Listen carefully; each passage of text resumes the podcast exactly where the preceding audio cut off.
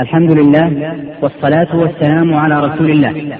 أيها الإخوة يسر إخوانكم في تسجيلات البردين الإسلامية بالرياض أن يقدموا لكم الإصدار الثالث من سلسلة الدروس العلمية لسماحة الشيخ عبد العزيز بن عبد الله بن باز المفتي العام للمملكة العربية السعودية ورئيس هيئة كبار العلماء ورئيس إدارة البحوث العلمية والإفتاء.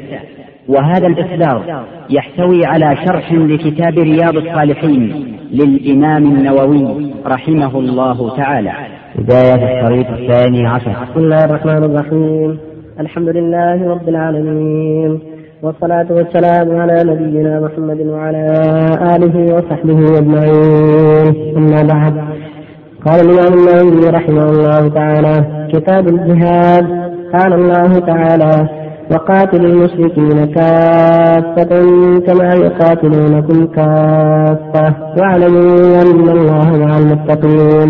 وقال الله تعالى كتب عليكم القتال وهو كره لكم. وعسى أن تكرهوا شيئا وهو خير لكم. وعسى أن تحبوا شيئا وهو شر لكم. والله يعلم وأنتم لا تعلمون. وقال تعالى انفروا خفافا وثقالا وجاهدوا بأموالكم وأنفسكم في سبيل الله. وقال تعالى إن الله اشترى من المؤمنين أنفسهم وأموالهم بأن لهم الجنة يقاتلون في سبيل الله فيقتلون ويقتلون. وعدا عليه حقا في التوراة والإنجيل والقرآن. ومن أوفى بعهده من الله فاستبشروا ببيعكم الذي بايعتم به. وذلك هو الفوز العظيم. وقال تعالى لا يستوي القاعدون من المؤمنين غير أولي الضرب والمجاهدون في سبيل الله بأموالهم وأنفسهم. فضل الله المجاهدين بأموالهم وأنفسهم على القاعدين درجة وكلا وعد الله الحسنى. وفضل الله المجاهدين على القاعدين أجرا أجرا عظيما. درجات منه ومغفرة ورحمة وكان الله غفورا رحيما. وقال تعالى يا أيها الذين آمنوا هل ندلكم على تجارة تنجيكم من عذاب أليم؟ تؤمنون بالله ورسوله وتجاهدون في سبيل الله بأموالكم وأنفسكم. ذلكم خير لكم إن كنتم تعلمون. يغفر لكم ذنوبكم ويدخلكم جنات تجري من تحتها الأنهار ومساكن طيبة في جنات عدن. ذلك الفوز العظيم. وأخرى تحبونها نصر من الله وفتح قريب وبشر المؤمنين. والآيات في الباب كثيرة مشهورة وأما الأحاديث في فضل الجهاد فأكثر من أن تحصر. فمن ذلك عن أبي هريرة رضي الله عنه قال سئل رسول الله صلى الله عليه وسلم أي الأعمال أفضل؟ قال إيمان بالله ورسوله. قيل ثم ماذا؟ قال الجهاد في سبيل الله. قيل ثم ماذا؟ قال حج مبرور. متفق عليه. وعن ابن مسعود رضي الله عنه قال قلت يا رسول الله أي العمل أحب إلى الله تعالى؟ قال الصلاة على وقتها. قلت ثم أي؟ قال بر الوالدين. قلت ثم أي؟ قال الجهاد في سبيل الله. متفق عليه. وعن أبي ذر رضي الله عنه قال قلت يا رسول الله أي العمل أفضل؟ قال الإيمان بالله والجهاد في سبيله. متفق عليه. بالله التوفيق صلى الله عليه وسلم على رسول الله وعلى آله وأصحابه ومن اهتدى بهداه. أما بعد هذه الآيات الكريمات ما جاء في معناها وهو حد الثلاث كلها تدل الآخر بحد والجهاد في سلام الإسلام وبه قوامه وانتشاره. ولهذا شرعه الله للمسلمين بعد أن أعطاهم القوة شرعه الجهاد. ولما كانوا مستضعفين لم يمنعوا بالجهاد وكانوا في مكة جهادهم الدعوة. من ضعف وعدم وجود قوة. فكان جهادهم بالدعوة إلى الله والتبليغ عن الله. وهكذا في أول الهجرة كان جهاد الدعوة إلى الله والبلاغ والبيان. فلما قواهم الله وأعانهم وكثر جمعهم وجب عليهم سبحانه الجهاد. فقال وقاتلوا في سبيل الله. حتى قاتلوا حتى لا تكون فتنة ويكون الدين لله. قاتلوهم من حتى لا تكون فتنة ويكون الدين كله لله. وقال يسوي كفافه وثقالا وجاهدوا بأموالهم وهو في سبيل الله ذلك خير لكم إن كنتم تعلمون. وقال جل وعلا في سورة الصف يا أيها هل أدلكم على تجارة تنجيكم على غيرين تؤمنون بالله ورسوله وفي ذلك بأموالهم وأنفسهم ذلك خير لكم إن كنتم تعلمون. هذه التجارة العظيمة الإيمان والجهاد هي تجارة توصل أهلها إلى دار الكرامة والنعيم المقيم إيمان وجهاد في سبيل الله لإظهار دينه ونصر دينه وإلى كلمته. ودعوة الناس إلى الدخول في دين الله. ومن أبى يفعل بالشيء حتى يخضع للحق. أو يؤدي كان من أهل كاليهود والنصارى والمجوس. ولهذا قال جل وعلا قاتلوا العياذ بالله والذين الآخر ولا يحرمون ما حرم الله ورسوله. ولا يدين من الحق لم يعطوا حتى يعطوا الميت عن يدين وهم صاغرون. وقال جل وعلا ان الله اشترى من انفسهم واموالهم بان في الجنة. والايات الجهاد كثيره جدا. يتدل على فضله العظيم وأنه من أفضل الأعمال بعد الإيمان. ولهذا لما سئل عليه الصلاة والسلام أي العمل أفضل؟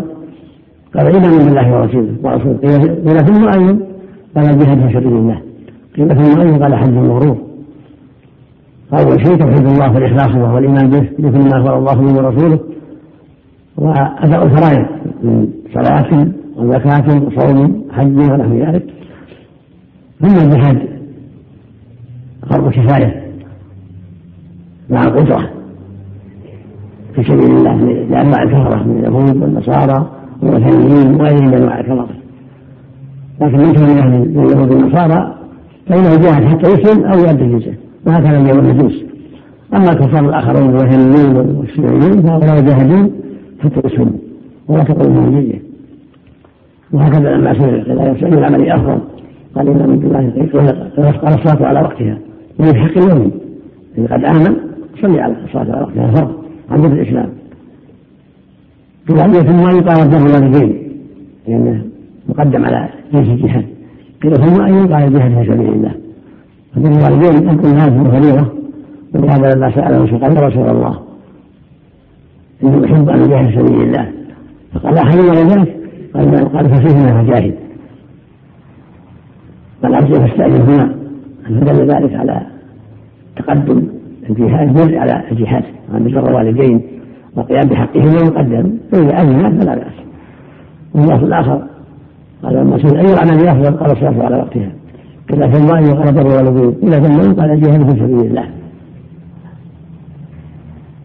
فالمؤمن يبدأ بما فرض الله عليه من صلاة وغيرها. وإذا جاء الجهاد قامت الواجب من الجهاد حسب الطاقة وإذا كان والداه في حاجة إليه وأن يأذنه قدم برهما وقيام عليهما. فإذا أذن له جاهد مع المسلمين. والجهاد أقسام. جهاد النفس بطاعة الله ورسوله. وجهاد الله في الدعوة إلى الله والإعراض عن المنكر. وجهاد في قتال الكفار. كما كان النفس في أداء فرائض الله هو لازم وهو كان جهاد الأمر بالمعروف والنهي عن المنكر ومن لازم حسب الطاقة وهو فرض كفاية أيضا والجهاد بالسيف جهاد لأعداء الله حتى يدخل في الإسلام أو يؤدي إن كان من أهلها وشرط ذلك أن يقع عليه ويستطيع ذلك فإن لم يستطع لكونه أعمى أو مريض أو أعرج ثم مسامح أو عاش عن نفقة ليس عنده نفقة وليس بيت ما ينفق عليه فهو ساقط أيضا عنه. لأن الله يقول فاتقوا الله ما استطعتم.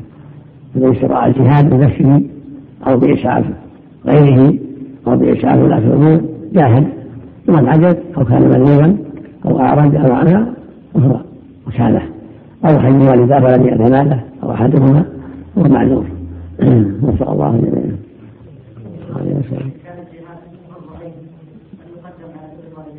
إذا إذا كان فرضين قدم على الجميع مثل هدم العدو على البلد أو كان بين الشخصين أو استنفرها الإمام هذا هو فرض عين في هذه الأحوال الثلاثة. إذا هدم العدو على البلد يجب على جميع الجهاد بدفعه حسب الطاقة. أو استنفرهم الإمام وجب عليهم الجهاد. أو حضر الصفين لا لا, لا ينحرف لا لا يولي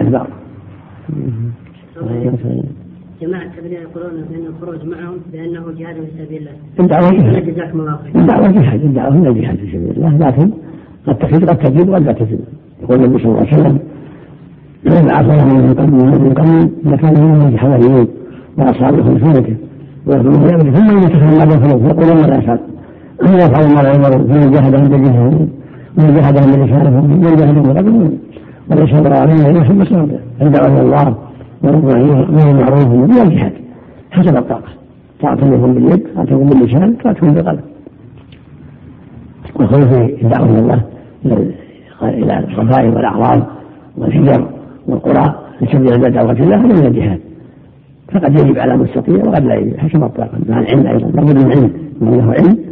ومع التبليغ فيهم الناس المتوسلين العارفين فيهم ناس ليسوا بذلك. من اخواننا في والهند فيهم ناس لها بصيره وفيهم ناس ليس لها بصيره فالواجب ان يكون الإشراف مع أهل البصيرة والعلم والعقيدة الطيبه الصالحة. الله إليك. الخروج المعروف عند الجماعة التبليغ هذا محدد هذا على حسب الطاقة. ثلاث شهر ثلاث شهرين ثلاث أشهر كلهم لم يجهزون يحطون الجهاد. ياخذون الجهاد يكفيهم الحمد لله معروف كيف يجهزون بعضهم يجهز بعضهم شهرين ثلاث سنة حسب حسب استطاعتهم وحسب اتفاقهم لا بأس. بالاتفاق الجنة. النبي صلى الله عليه وسلم أتى الدعاة إلى الرذائل والأنصار أتى الدعاة وأرسل الرسل عليه الصلاة والسلام. فإذا خرج الجماعة وتعلم على شهر أو وشهرين وثلاثين فيها من ذلك فإنه جزاه الله خير لكن يكون على علم على بصيرة وهذه سبيل دون الله على بصيرة ومن ذكر الجهال وصار على يد الحي فلا الله إليك يبدأون بالتوحيد. بحجة بحجة أن التوحيد يفرق الناس. هذا من هذا من الجهل الواجب بدعته لكن يدعو الخسران يبدا بالتوحيد مما بدا عنه بالتوحيد وأمر معاذ يبدأ عليهم بالتوحيد. إذا كانت الدعوة لكثره أما إذا كانت الدعوة إلى الإسلام ينصحهم فيما فرطوا فيه من صلاة وغيرها لكن إذا كان يدعو الكفار ما ما دخل في الإسلام يبداهم التوحيد قبل كل شيء. الله إليك. هم يذهبون إلى عباد القبور في باكستان وفي الهند. ويدعونهم إلى آداب الإسلام وأخلاقه ويقولون لا ندعوهم إلى لا لا هذا جهال هذا جهال بعض الناس توجد جهال ما عندهم بصيره بل عباد القبور في باكستان وفي الهند. ليس بشيء. المقصود جماعة كل عندهم بصيرة عندهم علم عندهم هدى هم اللي هم قدوة أما أولئك لا أهل القبور أهل القبور هم شيء. الخروج في المسجد. شلون يكون خروج؟ هذا يجلسون في المسجد لحاجاتهم يجلسون هم يدعون أهل المسجد ولا يتكلمون خطبة أهل المسجد. المسجد قد يكون يحتاج إلى موعظه لكن المقصود جماعة التبليغ قسمان. قسم تبصروا وعندهم بصيرة. هؤلاء هم هم يتعاون معهم. قسم لا. من عباد القبور لا. ليسوا بشيء. الهند باكستان ليسوا بشيء. بسم الله الرحمن الرحيم. الحمد لله رب العالمين. والصلاة والسلام على نبينا محمد وعلى آله وصحبه أجمعين. أما بعد. قال الإمام النووي رحمه الله تعالى في كتاب الجهاد وعن أنس رضي الله عنه أن رسول الله صلى الله عليه وسلم قال لغدوة في سبيل الله أو روحة خير من الدنيا وما فيها. متفق عليه. وعن أبي سعيد الخدري رضي الله عنه قال أتى رجل رسول الله صلى الله عليه وسلم فقال أي الناس أفضل؟ قال مؤمن يجاهد بنفسه وماله في سبيل الله. قال ثم من؟ قال مؤمن في شعب من الشعاب يعبد الله ويدع الناس من شره. متفق عليه. وعن سهل بن سعد رضي الله عنه أن رسول الله صلى الله عليه وسلم قال رباط رباط يوم في سبيل الله خير من الدنيا وما عليها. وموضع صوت أحدكم من الجنة خير من الدنيا وما عليها. والروحة يريحها العبد في سبيل الله تعالى. أي الغدوة خير من الدنيا وما عليها. متفق عليه.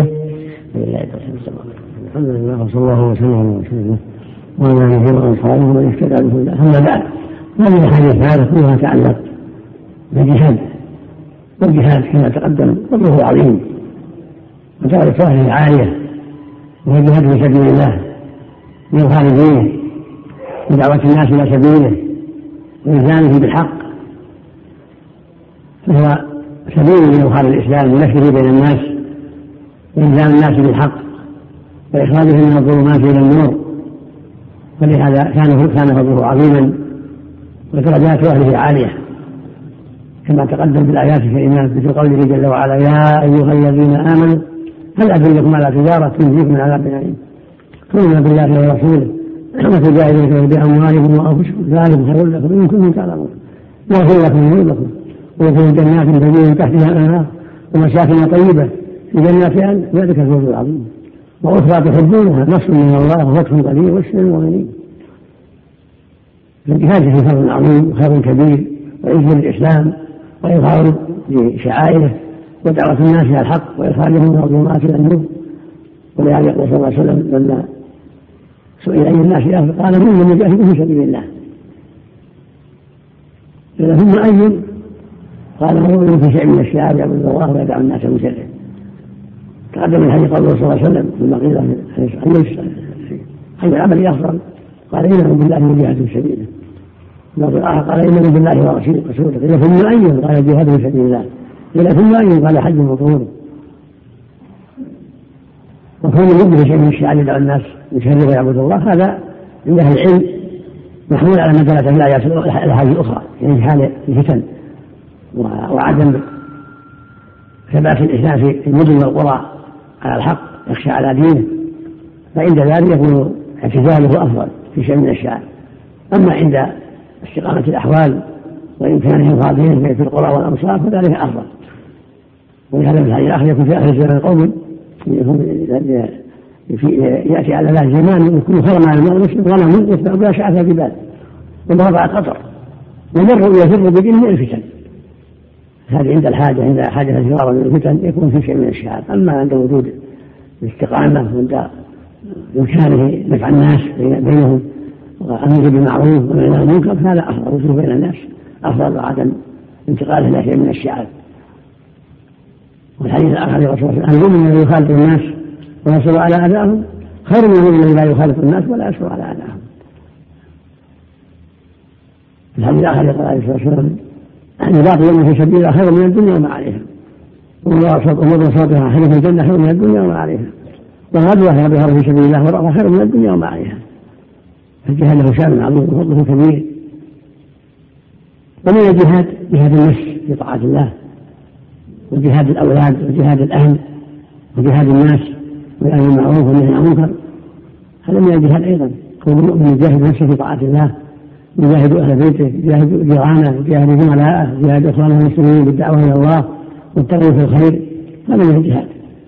كما في الحديث الصحيح صلى الله عليه وسلم ما بعث الله النبي في أمة قبل إلا كان هم متحررون وأصحاب يأخذون سنته ويأخذون بأمره ثم إن كهرا بدوا يقولون ما لا يفعلون ويفعلون ما لا يؤمرون ومن جاهدهم بيده ومن جاهدهم بلسانه ومن جاهدهم بقلبه وليس وراء ذلك من الإيمان حبة خردل فالأمر بالمعروف والنهي المنكر والدعوة إلى الله وإرشاد الناس إلى الخير وتعليمهم ما ينفعهم ومن الجهاد أيضا. صدق الله جل التوفيق والهداية. صلى الله وسلم على نبينا محمد وعلى آله وصحبه. جمعية لا ليدفع منها زكاة ماله عن أرض في مصر سرقت من مال الزكاة مصروف الشخصي في المدينة. هل يعتبر أنه أخرج مالا للزكاة في نيته؟ أم ماذا وجزاكم الله خيرا؟ لا ما عنده زكاة حتى يوصلها الأهل إذا سرقت هذا يعوض الله خيرا. ولكن عليه الزكاة. هذا ما عنده حتى يوصلها إلى أهلها. ما دامت عنده ما عندها. سواء سرقت أو انفقها ما عنده زكاة. حتى يخرج الزكاة. لازم الزكاة. السؤال السؤال الثاني رجل دخل في العمرة ولبى بها ظهر 30 رمضان ووصل مكة فجر العيد وأتم عمرته بعد العيد هل تعتبر عمرته في رمضان؟ نعم يبلغ ضغط الحرام في رمضان ما دام مثلا في رمضان فيها يوم رمضان قول النبي صلى الله عليه وسلم أفضل الجهاد جهاد المرء نفسه في طاعة الله حديث صحيح أفضل الجهاد عنده صحح رضي الله معروف ومن جهد من جهاد نفسه لله هذا يعني الجهاد العام هذا الجهاد العام يعني الجهاد العام لا الجهاد الخاص ويصح ان الافضل معنى اللفظ الآخر انه جاهد من جهاد نفسه لله يعني من جهاد الكامل. الذي يجاهد نفسه دائما في جهاد وفي غير جهاد. في اوقاته الأخرى. نعم عام. هذا في الجهاد الجاهد وفي الرخاء جهاد نفسه المعروف ان المنكر يعتبرون مجاهدين. الشيخ جهاد بسم الله الرحمن الرحيم. الحمد لله رب العالمين. والصلاة والسلام على نبينا محمد وعلى آله وصحبه أجمعين. أما بعد. قال الإمام النووي رحمه الله تعالى في كتاب الجهاد وعن سلمان رضي الله عنه قال سمعت رسول الله صلى الله عليه وسلم يقول رباط يوم وليلة خير من صيام شهر وقيامه وإن مات فيه جرى عليه عمله الذي كان يعمل وأجري عليه رزقه وأمن الفتان. رواه مسلم. وعن فضالة بن عبيد رضي الله عنه أن رسول الله صلى الله عليه وسلم قال كل ميت يختم على عمله إلا المرابط في سبيل الله.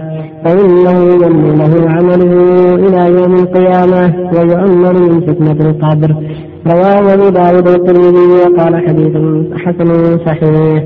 وعن عثمان رضي الله عنه قال سمعت رسول الله صلى الله عليه وسلم يقول رباط يوم في سبيل الله خير من ألف يوم فيما سواه من المنازل رواه الترمذي وقال حديث حسن صحيح. بالله التوفيق صلى الله وسلم وسلم وعلى آله وصحبه ومن اهتدى بعد. هذه الأحاديث كلها تتعلق بالرباط في سبيل الله جل وعلا. الله يقول سبحانه يا أيها الذين صابروا ورابطوا واتقوا الله لعلكم تفلحون. فالمرابطه في سبيل الله يعني حراسة في الشهور لزوم الشهور التي في أطراف البلاد يقال لها رباط. إذا قامت الشهور في اطراف البلاد لحمايتها من العدو وصد العدو لو لو أقدم هذا هو الرباط. وهو نوع من الجهاد في سبيل الله عز وجل. ولهذا في حديث يقول صلى الله عليه وسلم رباط في سبيل الله خير من صيام شهر وقيامه. وأن المرابط يجي عليه عمله ويجي عليه رزقه ويمن فكانه وهذا فضل عظيم. كل مرابط يجرى له عمله ثواب عمله ويجرى له رزقه ويأمن فتان القبر هذه من النعم العظيمة ومن الجزاء العظيم. والحديث الآخر رباط في سبيل الله خير من يوم فاسبة هذا أيضا فضل كبير وعظيم حديث المال وفي هذا الترغيب والتحريض على المرابطة في سبيل الله. وهذا نزول الشهور التي نحمى بها بعض المسلمين وتحمى بها بلادهم فيه هذا الفضل العظيم. لأن العدو قد ينتهز الفرصة. فيلج على المسلمين بعض الأطراف الخالية وربما أخذ بعض الناس من أيديهم وربما قتل بهم ليقتل. فالرباط فالرباط في الصدور حماية لها. من العدو وإنذار المسلمين لو هدم العدو علم المسلمون وقاتلوه قاتلوه. فالمرابط يحمل على المسلمين وينذر لو هجم العدو ويدافع حسب طاقته فهو على خير عظيم وفضل كبير ومن المرابطة الاستقامة على طاعة الله والمحافظة على صلاة الجماعة والعناية بها وأن لا تفوته صلاة الجماعة. ولهذا قال عليه الصلاة والسلام لا أدلكم على ما الفضل من الخطايا ويرفع به الدرجات قلنا يا رسول الله. قال إسباغ الوضوء في المكاره وكثرة خطايا المساجد وامتدار الصلاة بعد الصلاة فذلكم الرباط فذلكم الرباط يعني أن الاستقامة في العبادة والصبر عليها والثبات عليها نوع من الرباط لأنه رباط في سبيل الله في طاعة الله واتباع مرواته وصد العدل والشيطان ومراغمته فهو رابط بلزومه الصلاة والعبادة وحذره مما يبطلها أو ينقصها وهو من الرباط في سبيل الله ضد العدو الشيطان الذي يريد أن يخجلك عن طاعة الله أو يريد أن يضعف عملك وينقص عملك. فأنت بالمجاهدة بصد عدوان الشيطان والحرص على إقامة العبادة في صلاة وغيرها كما شرع الله تكون بهذا مرابطا يعني مجاهدا وفق الله جل يحصل له هذا الأجر العظيم الذي يحصل على الصلاة. يرجع له لأن يعني يقاس ما رباط فذلك هو الرباط وذلك هو الرباط يرجع له. هذا المرابطه بالنسبة للحدود أحسن الله إليك. يحفظون الحدود من الجنود هؤلاء الذين يسمى سلاح الحدود. هل يكون هذا رباط؟ يحفظونها من قلبا كان في يسمى رباط. نعم. اذا اصلح الله نيته. نعم. هل يكون مثلا يكون في جلوس في المسجد أو ينتظر الصلاة بعد الصلاة. هو معناه يقال المسجد لا يعني معناه انه حل باله لا يضيعها. ولا ولا لها في حاجاته.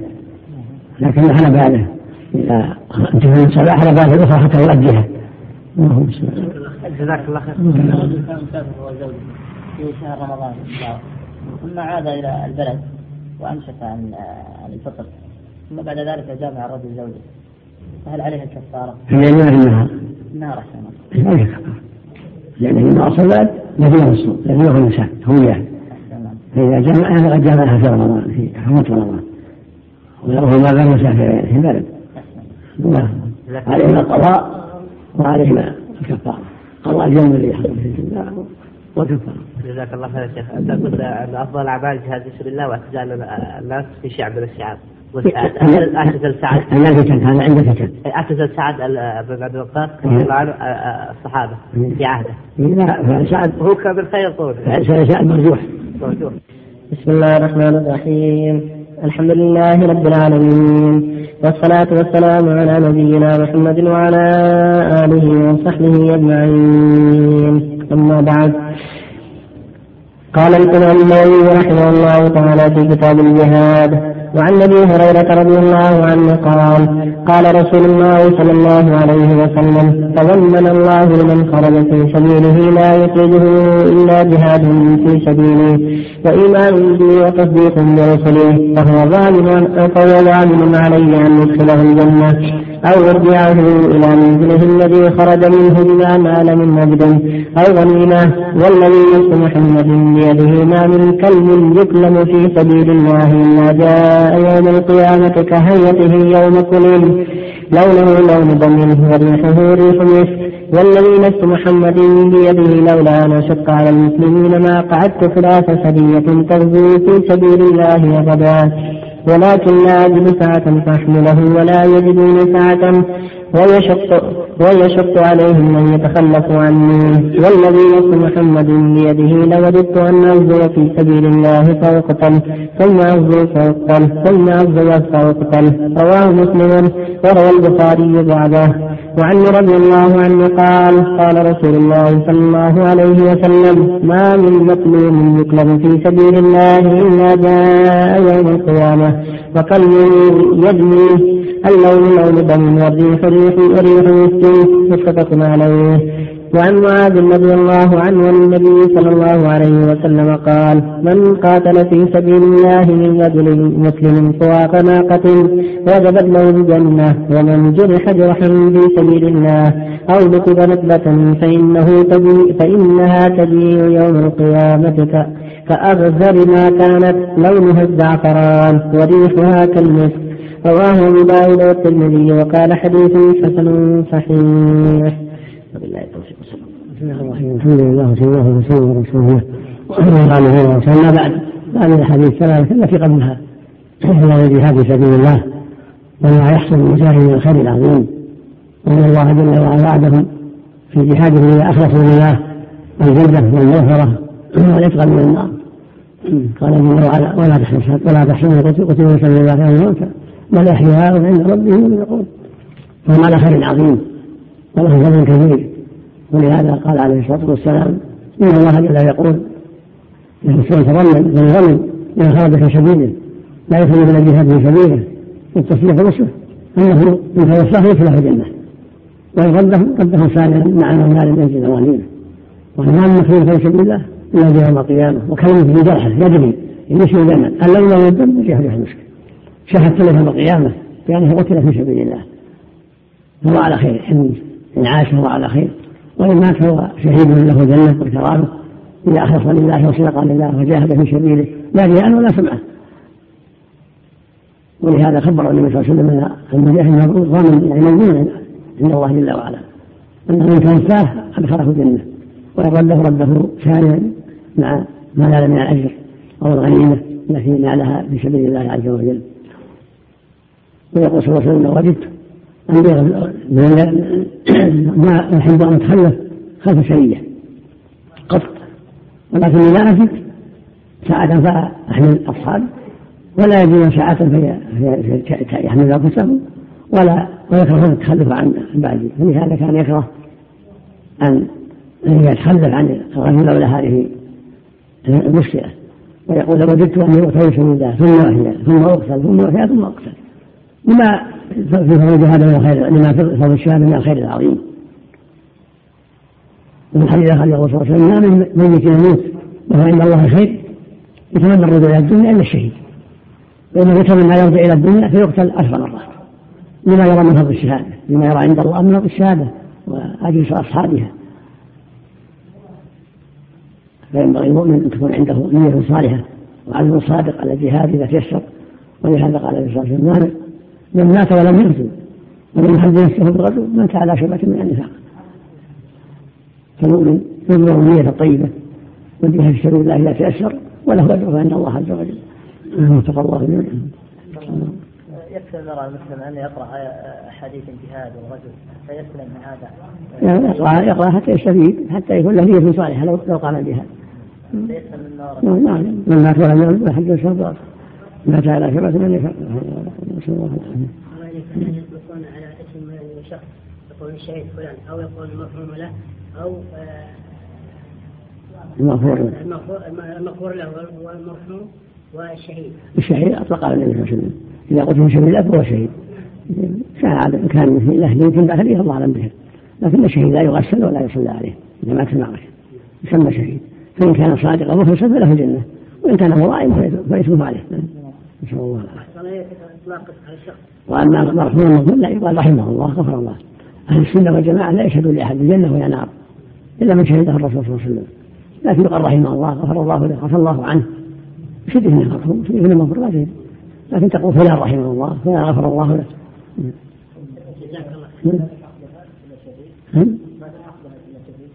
لا ما تلحق لأن الرسول أطلق عليهم الشهداء. المقصود في سبيل الله يطلق يطلق على الشهادة لا يغش الرسول شهيد في الحكم الشرعي. أما فيما يتعلق بالجنة والنار هذا إلى الله سبحانه ولا يقال يرحمه الله. بعد بعد ما يخالف يرحمه الله ويغفر الله. له غلق في الدعاء. بسم الله الرحمن الرحيم. الحمد لله رب العالمين. والصلاة والسلام على نبينا محمد وعلى آله وصحبه أجمعين. أما بعد قال الإمام النووي رحمه الله تعالى في كتاب الجهاد وعن أبي هريرة رضي الله عنه قال مر رجل من أصحاب رسول الله صلى الله عليه وسلم بشيب فيه عيينة من ماء عذبة فأعجبته فقال مر رجل من أصحاب رسول الله صلى الله عليه وسلم بشعب فيه عيينة من ماء عذبة فأعجبته فقال لو اعتزلت الناس فأقمت في هذا الشعب ولم أفعل حتى أستأذن رسول الله صلى الله عليه وسلم. فذكر ذلك لرسول الله صلى الله عليه وسلم فقال لا تفعل فإن مقام أحدكم في سبيل الله أفضل من صلاته في بيته سبعين عاما. لا تفعل فإن مقام أحدكم في سبيل الله أفضل من صلاته في بيته سبعين عاما. ألا تحبون أن يغفر الله لكم ويدخلكم الجنة؟ اغزوا في سبيل الله. من قاتل في سبيل الله فواق ناقة وجبت له الجنة. رواه الترمذي وقال حديث حسن. وعنه رضي الله عنه قال قيل يا رسول الله ما يعدل الجهاد في سبيل الله؟ قال لا تستطيعونه. فأعادوا عليه مرتين أو ثلاثا كل ذلك يقول لا تستطيعونه. ثم قال مثل المجاهد في سبيل الله كمثل الصائم القائم القانت بآيات الله لا يفتر لا يفتر من صلاة ولا صيام حتى يرجع المجاهد في سبيل الله. متفق عليه. وهذا لفظ مسلم. وفي رواية البخاري أن رجلا قال يا رسول الله دلني على عمل يعدل الجهاد قال لا أجده. ثم قال هل تستطيع إذا خرج المجاهد أن تدخل مسجدك فتقوم ولا تفطر وتصوم ولا تفطر؟ فقال ومن يستطيع ذلك. وعن رضي الله عنه أن رسول الله صلى الله عليه وسلم قال من خير معاش الناس لهم رجل ممسك بعمام فرسه في سبيل الله يطير على متنه يطير على متنه كلما سمع هيعة أو فزعة طار على متنه يبتغي القتلى بالموت مضانة أو رجل في غنيمة أو شعفة من هذا الشعف أو من هذا الشعف أو بطن واد من هذه الأودية يقيم الصلاة ويؤتي الزكاة ويعبد ربه حتى يأتيه اليقين. ليس من الناس إلا في خير. رواه مسلم. الله صل على رسول الله وعلى آله قال أما بعد فهذه الأحاديث وما جاء في معناها كلها تدل على فضل الجهاد. والجهاد فضله عظيم. بما فيه نصر الله وإعلاء كلمة الله وتوسيع رقعة الإسلام ودعوة الناس إلى الإسلام وإخراجهم من الظلمات إلى النور فالجهاد أمره عظيم. لا يدرك شيء من أعمال التطوعات. ولهذا قال النبي صلى الله عليه وسلم مثل المجاهد في سبيل الله والله أعلم بين في سبيل كمثل الصائم القائم. والمجاهد في سبيل الله قد وعده الله بالمغفرة والعتق من النار. فالجهاد له شأن عظيم وله فضل كبير. ولذلك قول صلى طوبى لعبد آخر بين عنان فرس في سبيل الله أشعث أغبر أغبر إذا كان في الساقة كان في الساقة وإن كان في الحراس كان في الحراس. لكن الشعر المذلة وإن شفع المشفع يعني عمله مخلص لله ليس قصده التقرب إلى الناس أو رياء الناس. فالمجاهد المخلص في عمله الذي يطير على أو يطير على قدميه حيث جاءت الحاجة. حيث دعت الضرورة حيث دعت المصلحة له الفضل العظيم في هذه الأعمال العظيمة. وهو موعود بالمغفرة والمنزلة العالية في الجنة إذا مات على إخلاص وصدق وعدم الإرياء وبين صلى الله عليه وسلم أنه أن الجهاد لا يعدل شيء.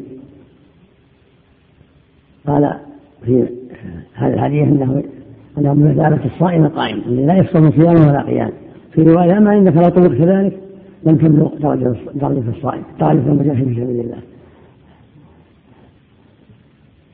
وأما ما يتعلق بقول صلى الله عليه وسلم ورجل في شيء من الشعب يعبد الله الناس هذا مثل ما تقدم. محمول على حالة الفتن وعدم استقرار المسلمين في البلاد. يكون الإنسان بعيد عن الفتن في شر من الشعاب يعبد الله ويدعو الناس من شره. كما قال صلى الله عليه وسلم يكون خير ما المرء خير ما المرء غنم يدفع بها شعاف الجبال ومواضع القطر يفر بجهد من الفتن. والناس الآخر قيل أي الناس أفضل قال مؤمن مجاهد في سبيل الله. قيل ثم مؤمن ثم من؟ قال مؤمن في شيء من الشعاب يعبد الله ويدعو الناس من شره. فالحاصل أن الناس عند فتن وعند خوف على دينه يكون في شيء من الشعاب أفضل له يبتعد عن الفتن.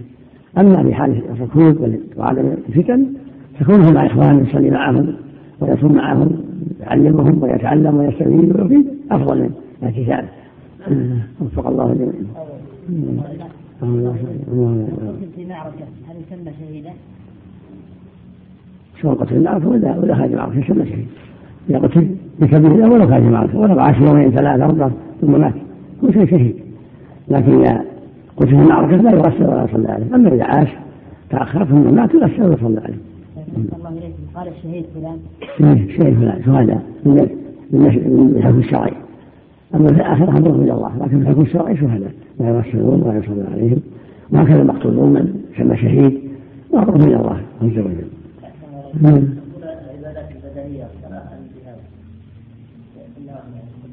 الجهاد. أفضل التطوع جهاد لما فيه لما فيه تعلم النفس والمال. العلم بهذا هذا هو تطوع واجب العلم.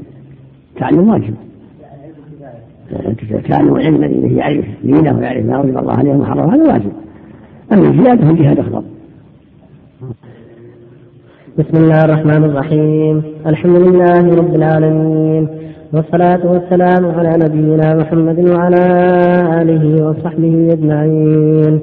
أما بعد قال الإمام النووي رحمه الله تعالى في كتاب الجهاد وعن أبي هريرة رضي الله عنه أن رسول الله صلى الله عليه وسلم قال إن في الجنة درجة أعدها الله للمجاهدين في سبيل الله ما بين الدرجتين كما بين السماء والأرض. رواه البخاري. وعن أبي سعيد الخدري رضي الله عنه أن رسول الله صلى الله عليه وسلم قال من رضي بالله ربا وبالإسلام دينا وبمحمد رسولا وجبت له الجنة فعجب لها أبو سعيد فقال فقال أعدها علي يا رسول الله. فأعادها عليه ثم قال وأخرى يرفع الله بها العبد مئة درجة في الجنة. ما بين كل درجتين كما بين السماء والأرض. قال وما هي يا رسول الله؟ قال الجهاد في سبيل الله. الجهاد في سبيل الله. رواه مسلم. وعن أبي بكر بن أبي موسى الأشعري رضي الله ابي موسى الأشعري قال سمعت أبي رضي الله عنه وهو بحضرة العدو يقول قال رسول الله صلى الله عليه وسلم إن أبواب الجنة تحت ظلال السيوف. فمن فقام رجل قص الليلة فقال يا أبا موسى أنت سمعت رسول الله صلى الله عليه وسلم يقول هذا؟ قال نعم. فرجع إلى أصحابه فقال أقرأ عليكم السلام. ثم كسر دفن سيفه فألقاه. ثم مشى بسيفه إلى العدو فضرب به حتى قتل. رواه مسلم. وبالله التوفيق. الله وسلم. على رسول الله وعلى اله وأصحابه ومن اهتدى أما بعد فهذه الأحاديث الثلاثة في التي قبلها في بيان فضل الجهاد وأن درجة عالية وعظيمة وأن المجاهد في سبيل الله الصادق المخلص قد وعده الله جل وعلا وأن الله أعد للمجاهدين في الجنة 100 درجة. ما بين كل درجتين مثل ما بين السماء والأرض.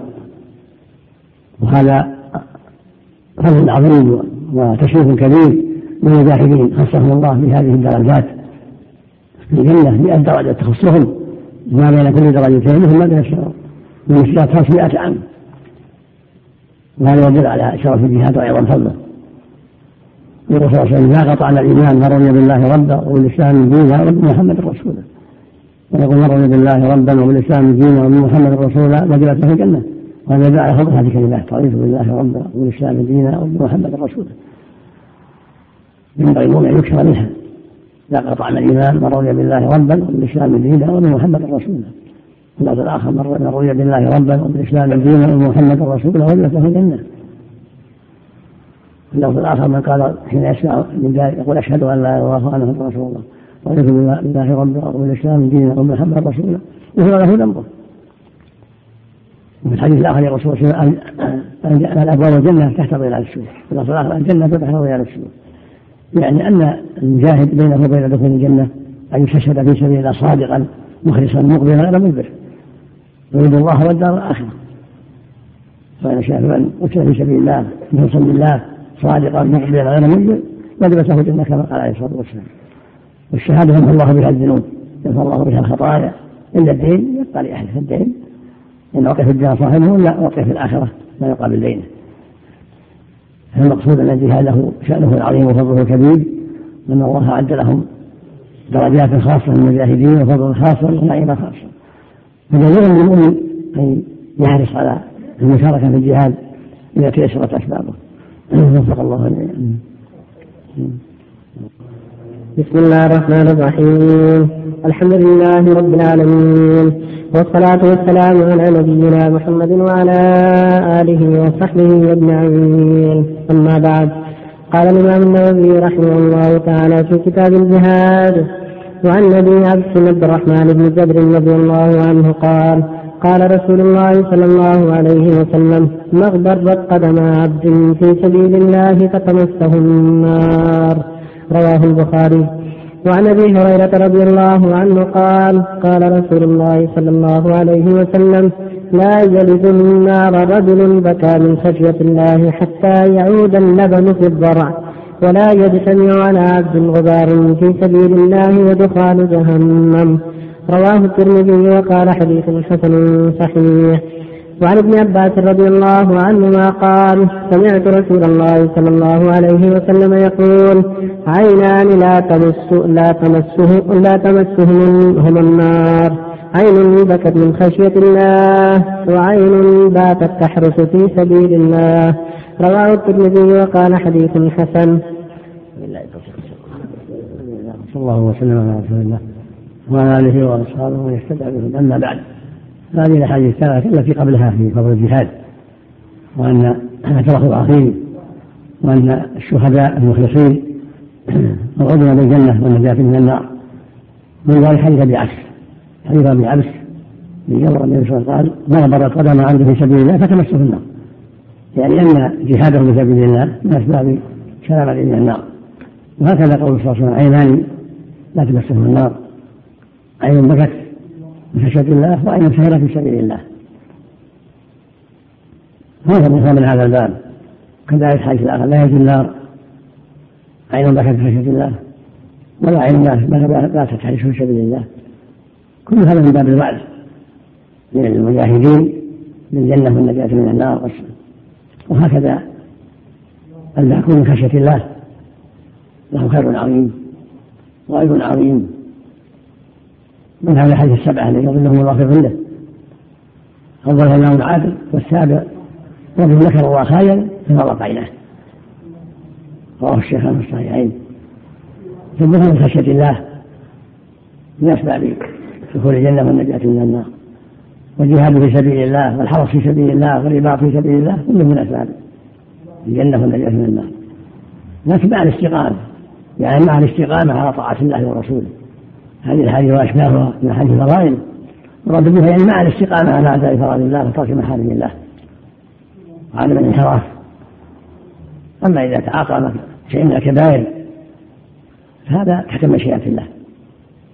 يقول الله جل وعلا إن تجتنبوا كبائر ما تهم كفر عنكم سيئاتكم يقول صلى الله عليه وسلم الصلاة خمس والجمعة الجمعة رمضان كفرة من بينهم ما لم تغش الكبائر.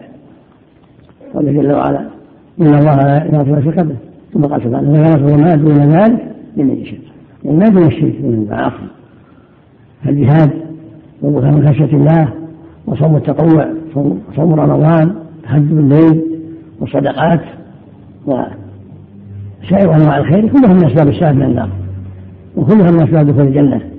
لكن مع الحذر من الإصرار على كبائر الذنوب.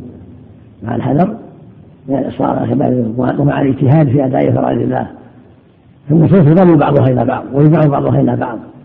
فنصوص الرجاء تضمن نصوص الوعيد ونصوص الوعيد تضمن نصوص الرجاء حتى يفسر بعضها ببعض. فلا يغلب الوعيد كما تقول الوعيدية من المعتزلة وغيرهم الخوارج. ولا يغلب جانب الرجاء كما تقول المرجئة.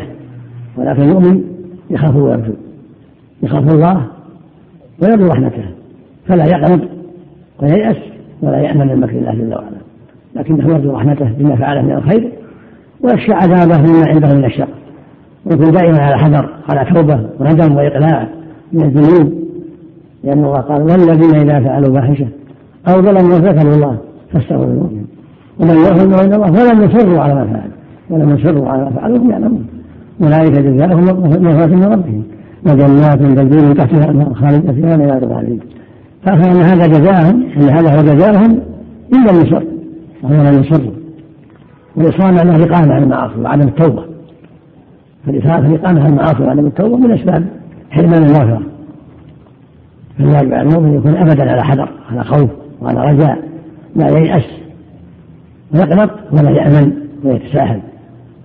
قال جل وعلا في حق الأنبياء والصالحين إنهم كانوا يسارعون الخيرات ويدعوننا رغبا ورهبا رجاء وخوفا رغبا ورهبا وكانوا خاشعين.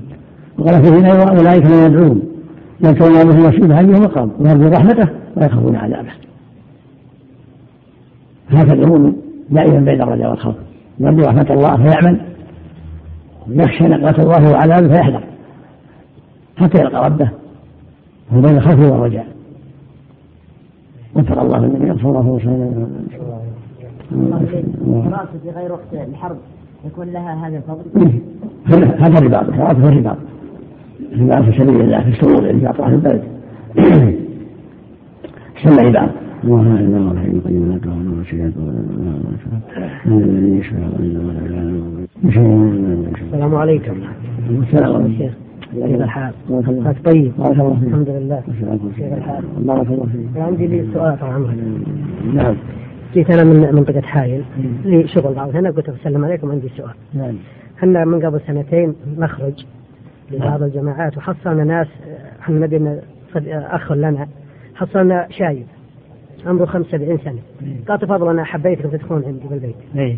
جلسنا عنده يوم شافنا نتكلم نبي نتكلم بالدين وكذا قالنا والله بالله الحمد والشكر حجيت سبع حجات. قلنا الحمد لله والشكر. قلنا له اقرأ الفاتحة. فقرأ الفاتحة وأخطأ في ثلاث آيات وقلت آية. قلنا له أنت جزاك الله خير الحين حجيت سبع حجات وعمرك 75 سنة وصلاتك يعني ما هي يعني آه، ما هي مضبوطة قال أنك ما تتقن الفاتحة. فعنده ولد جالس وقلنا له اقرأ الفاتحة فابنه قرأ الفاتحة صح ففضلنا له حلقة التعليم في البيت. لأنهم يتقنون الفاتحة والسور القصار حصل شيء لبس بعد ذلك في رمضان بعد رمضان. إحنا صايمين ناس متجمعين نبي علشان نفطر مع بعض الجماعة. فقلت أنا آه، أخواننا محتاجيننا في ناس هذا حصلت كذا وكذا وكذا. فيا أخوان من فضلكم يعني لو تجهدون الجهد تطلعون يمهم وتعلمونهم هذه الأشياء تفضلون حلقة التعليم في البيوت. فقام أحد الأخوان قال لي أنت مخطئ في هذا العمل لأنك غير مؤهل. فما يجب أنك تروح ولا يجب الا لازم تتخرج وتتعلم وبعدين تخرج. أنا عملي مدرس تقريبا. من لي سنتين كنت يعني كذا على أقاربي وعلى لحوالينا في القرى آه، في هذا الجهد. فهو قال هذا خطأ. لا غلط كل يعلم حسب طاقته. يعلم الفاتحه ويعلم سور منها القرآن. هذا خطأ وهذه جماعة تقوم بهالعمل هذه اسمها جماعة التبليغ. لا لا غير جماعة التبليغ لا. كل انسان كل انسان يعلم. عملي هذا خطأ. كل انسان يعلم طاقته كل انسان يعلم طاقته. اللي يحسن الفاتحه يعلم ما يحسنه اللي يعلم بعض السور يعلم ما يحسنه وهكذا الله يقول وتعاونوا بالبر والتقوى نعم. بس لا يتكلم بالله بعلم يصير ما يعلم لا يتخيل مسائل فقهية هذا. نعم نعم. المثال المثال يعلم بما يعلم نفسه هذا. إذا ما في شيء يعني لا لا ما جور ما جور ما جور يعني الله يعني بعض الصور اللي كان يعلم الاشياء اللي كان ينبيه الحمد لله. هذا من التعاون البر والتقوى سابقكم الله. نهاية